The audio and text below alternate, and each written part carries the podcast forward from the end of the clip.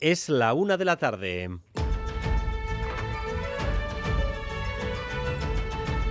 Crónica de Euskadi con Dani Álvarez. A Rachaldeón, Vox ha conseguido una nueva victoria judicial para limitar los usos del euskera en nuestro país. Esta vez en el Tribunal Superior de Justicia del País Vasco. Los jueces vascos limitan el uso prioritario del euskera en los ayuntamientos. Ainhoa Iglesia. Sí, nueva sentencia contra el uso preferente del euskera en las administraciones locales. En esta ocasión, el Tribunal Superior de Justicia del País Vasco estima en parte un recurso de Vox y anula una serie de artículos o preceptos que incluyen, por ejemplo, que los trabajadores del ayuntamiento ya no se tengan que dirigir en primer lugar en euskera a la ciudadanía. Un, una sentencia que el Gobierno vasco califica de un nuevo ejemplo de la judicialización de la política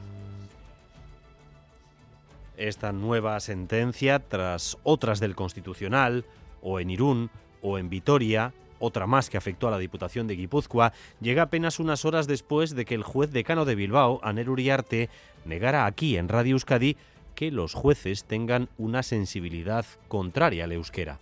Eh, me gustaría trasladar la imagen de que eh, nosotros somos receptivos al euskera, no somos enemigos del euskera, ni pues mucho menos. Vox, por supuesto, celebra esta nueva victoria. El partido ha encontrado una beta para lograr protagonismo político. El que no tiene las instituciones lo logra así en los juzgados.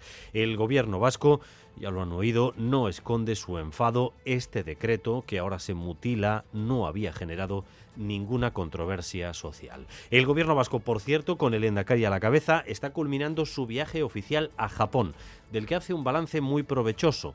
Turismo, empresas, relaciones políticas, la impresión es muy positiva.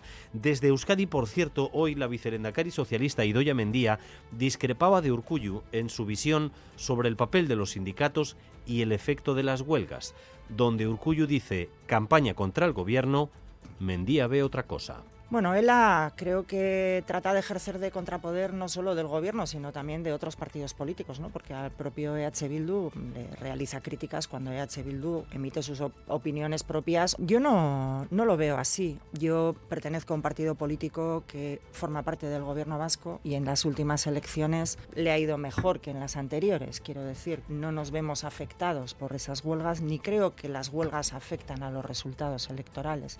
Hoy ha sido, por cierto, el primer día de huelga en la enseñanza concertada. Los sindicatos se han manifestado en Bilbao muy contentos con el seguimiento de este primer paro. E Israel comienza una campaña pública para reclamar la libertad de los secuestrados. Más de 200 ciudadanos en poder de las milicias palestinas desde hace 10 días, entre ellos, como saben, el bilbaíno Iván Iyarramendi. Ha ejercido de portavoz la madre de una chica secuestrada para soltar presión sobre el primer ministro Benjamin Netanyahu. Esta madre dice estar convencida de que van a hacer lo posible por liberar a su hija y al resto. Tel Aviv, Xavier Madariaga, Rachaldeón. Arrachaldeón Bay, Karen, la madre de Mía, pasa ahora mismo por una montaña rusa de emociones. El mensaje para mi hija es que la quiero y la echo mucho de menos. Solo pienso en cómo la voy a abrazar a la vuelta. Ayer vio a su hija en un vídeo que lanzó jamás. Tiene la prueba de vida que buscaba después de días de muchas dudas, pero a la vez tiene mucho miedo. Lo ha contado valiente y con fuerza frente a cámaras y micrófonos de todo el mundo, acompañada por sus dos hijos. Enseguida más detalles de esta rueda de prensa que ha despertado una gran expectativa aquí en Tel Aviv. Además de la situación de los rehenes, lógicamente sigue habiendo una gran acción internacional para evitar que Israel entre eh, por tierra en Gaza. Y está también el papel de Irán, del que también tenemos que hablar hoy, después de un pronunciamiento de Ali Khamenei.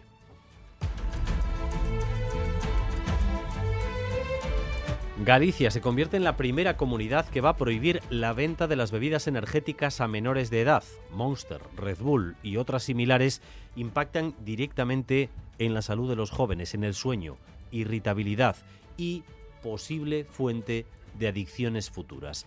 Unidad móvil de Radio Euskadi, María Ruiz, desde un instituto. ¿Qué es lo que dicen los chavales sobre esto? Pues Dani, lo que nos dicen es que no sienten que sea peligroso. Para ellos es muy habitual en su día a día tomar este tipo de bebidas energéticas, por ejemplo, en los descansos cuando están en el colegio, en el instituto y sobre todo nos decían el fin de semana. También nos dicen que empiezan a tomar este tipo de bebidas energéticas muy muy jóvenes, en torno a los 11, 12 años e incluso algunos con 14 años nos decían que ya lo han dejado. Reconocen también que a sus familias no les gusta nada te espabila un poco y ya de falta. Pues que sea, el día uno o dos. Con 13. Con 12 años. Tampoco me parece como para prohibirlo. No me importa, aumento, a mí soy joven. Peligroso no. Sí, beber mucho sí, porque eso te acelera mucho.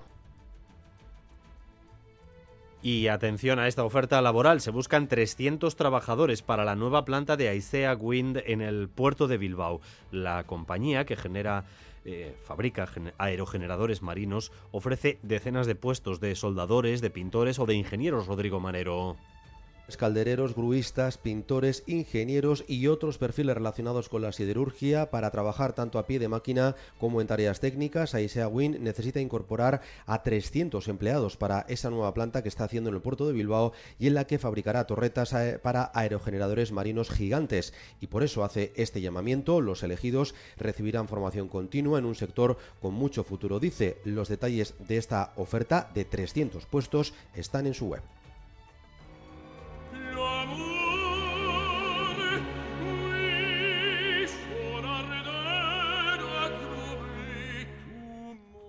Sábado empieza la nueva temporada de ópera de la ABAU, con la representación nada más y nada menos que de Romeo y Julieta. Entre los atractivos de esta producción, que se podrá ver en el Euskalduna, están sus intérpretes principales, tal y como subraya el presidente de la ABAU, Carlos Matallanes.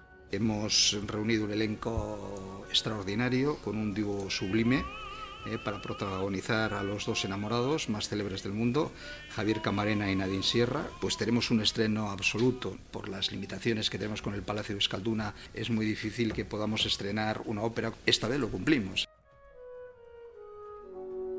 Y vamos también con lo más destacado del deporte, con Álvaro Fernández Cadierno, a Rachaldeón Álvaro. A Rachaldeón hoy con dos cuestiones de las que estamos pendientes. El primero, la Copa del Rey. A esta hora comienza el sorteo de la primera ronda con nueve equipos en liza.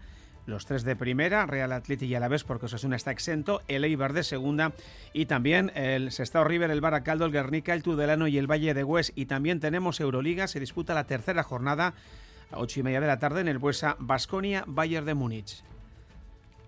Y gracias un día más por elegir Radio Euskadi y Radio Vitoria para informarse en esta jornada en la que, en cuanto al tiempo, los cielos están bastante despejados en general, aunque por la tarde volverá a entrar nubosidad y aumentarán estas rachas de viento sur que ya se notan que son molestas desde primera hora de la mañana. A las 9 de la noche se va a activar de hecho un aviso amarillo por fuertes rachas de viento que podrían alcanzar en algunas zonas los 100 kilómetros por hora.